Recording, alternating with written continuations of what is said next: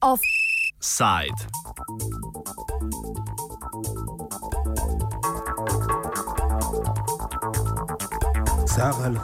Volitve v Bosni in Hercegovini.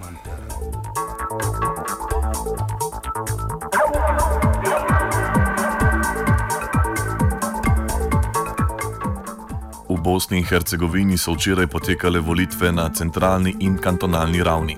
Politični sistem v Bosni in Hercegovini, vzpostavljen po podpisu Daytonske pogodbe leta 1995, je bil zasnovan z namenom, da bi omogočil sobivanje treh narodnosti znotraj države. Predsedstvo, ki predstavlja izvršno oblast, je zato sestavljeno iz treh članov, vsakega svoje narodnosti. Entiteti Federacije Bosne in Hercegovine ter Republike Srpske pa imata visoko stopnjo avtonomnosti. A prav ta sistem je pripeljal do neoperativnosti vodstva in ponovnega porasta nacionalističnih teženj. Zlatan Begič, ustavni pravnik iz Tuzle, uriše rezultate včerajšnjih volitev. Nažalost, imamo izgleda opet na sceni pobjedu nacionalnih ili etničkih stranaka u Bosni i Hercegovini. Riječ je o onim istim strankama koje su nas uvele u rat 1992. godine, onim istim strankama koje su stvorile osnovi, provele pljačkašku privatizaciju. Socijaldemokratska partija je platila ceh paktiranja političkog bluda sa etničkim strankama, jer ne treba posebno napominjati da 2010. godine kada je socijaldemokratska partija odnijela pobjedu na izborima, zahvaljujući najvećem broju glasova građana Bosne i Hercegovine, odnosno federacije, da su oni ušli u neprincipijelnu koaliciju sa strankom demokratske akcije.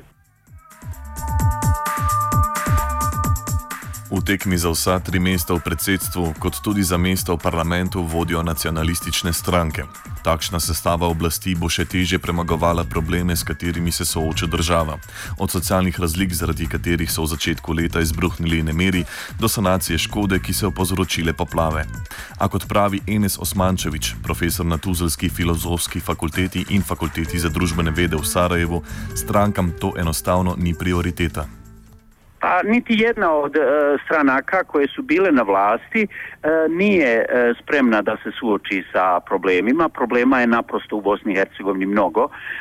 To bi zahtijevalo jedan sistematičan pristup koji bi tražio jako puno odricanja, koji bi tražio jako puno energije, vremena i jako veliku podršku ljudi.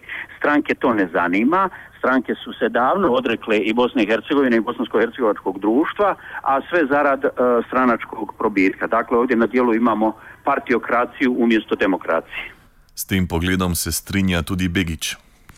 Vidite ovako, nažalost, kod nas su sve stranke izgubile u prethodnih 5, 6, 7, 8 godina bilo kakvu pod broj jedan svoju ideološku orijentaciju.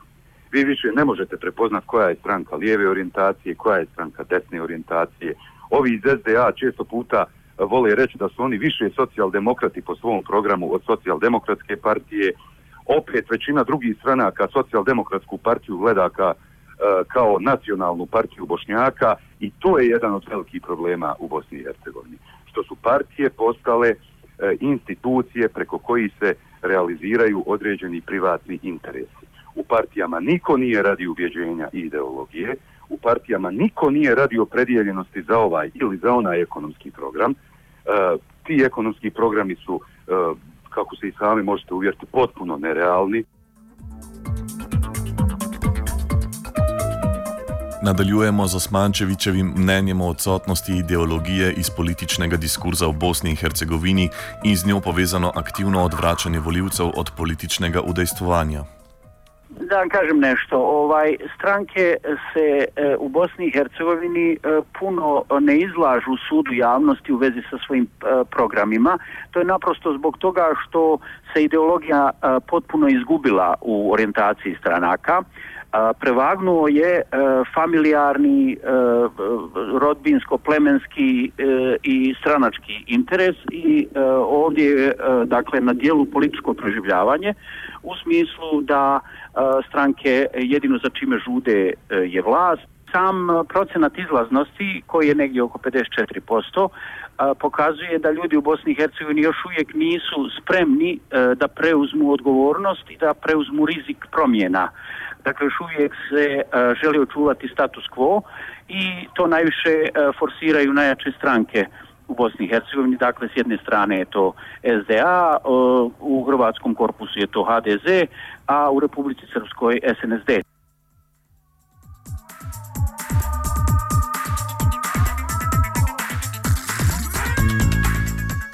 Drugi del krivde pa sogovornik vidi v sami strukturi ustaj in dogajanju na političnem prizorišču od februarja naprej.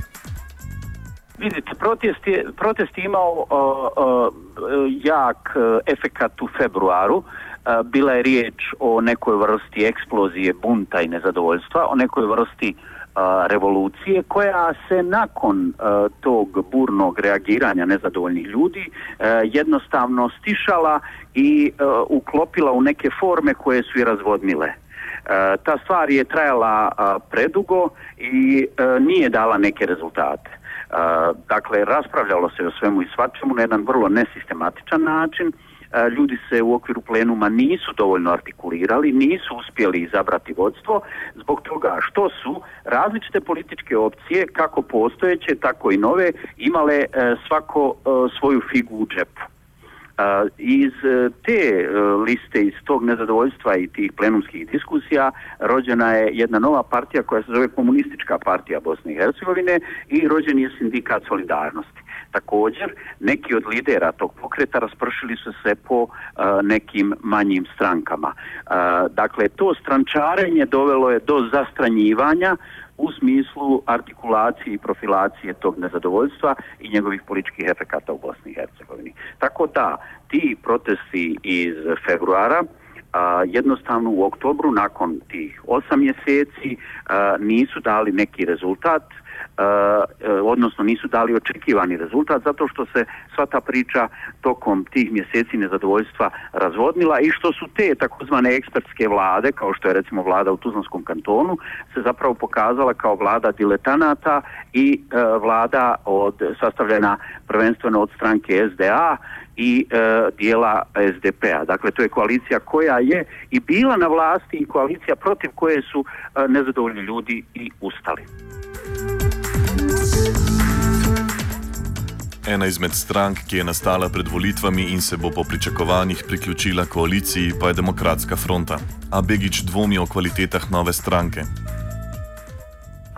Prvo, znate kako, ja iskreno sumnjam da će tu biti nekih ovaj, značajnijih pomaka i promjena. Na prvom mjestu lider Demokratske fronte nije čovjek koji je nov u politici. On je bio dio vladajućih struktura posljednjih 20 godina.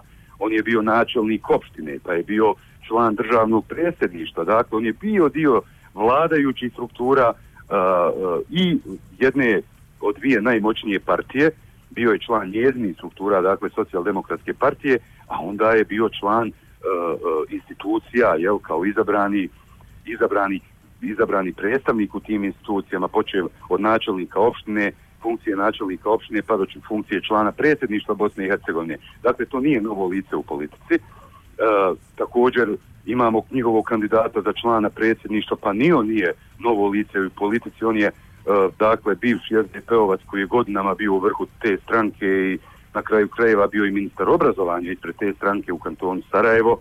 E, da li je to ekipa koja može E, biti neka snaga koja će polučiti neke radikalnije promjene sumnjam. Upoštevajoč dejstvo, da ustajniške ideje niso prinesle sprememb po politikah ustaljenih strank, niti niso rodile novih sil na političnem parketu, Osmančevič za prihodnost vidi tri mogoče scenarije. Time su partije pokazale da nisu spremne e, i da nisu proizvele niti nove ideje, niti su proizvele nove ljude. S druge strane, e, birači su pokazali e, da nisu spremni e, za preuzimanje odgovornosti za promjene i da će taj status quo biti i dalje prisutan zbog toga što su ovdje ljudi neslobodni. Ljudi su prije svega ekonomski ovisni, jer veliki broj pristaša tih partija radi u javnom sektoru, dakle oni su na budžetskim tim pozicijama za plaće i oni su ovisni o politici o vladajućim strankama. Osim toga, politika je najunosniji biznis u Bosni i Hercegovini. A, s druge strane, u isto vrijeme ona, ono nezadovoljstvo, oni razlozi zbog kojih je pokrenut bunt u februaru još uvijek su na snazi. Dakle, od tada ništa nije razrišeno. Sada se te suprotnosti jednostavno ovaj sve više zaoštravaju. Imamo moguće scenarije raspleta. Jedan je da ostane status quo u naredne četiri godine, e, da to nezadovoljstvo i dalje e, kulminira i da e, ovaj imamo nakon toga u tom vremenu tek onda profilaciju nekih novih ljudi, novih ideja i novih pokreta. To je taj jedan optimistički, da tako kažem, scenarij. Drugi scenarij je da će ponovo eskalirati bunt, možda opet na godišnjicu tih nemira u februaru naredne godine i da će onda to dovesti opet do promjene vlasti ovaj put, dakle, tim nekim buntom ili čak možda i nasilnim putem.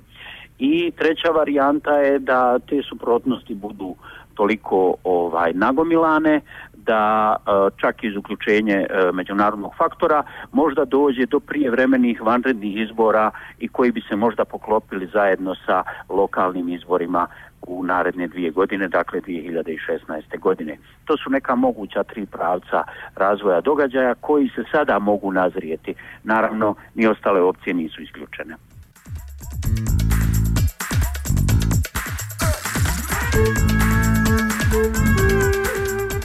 Offside sta pripravila Twitter in Nates.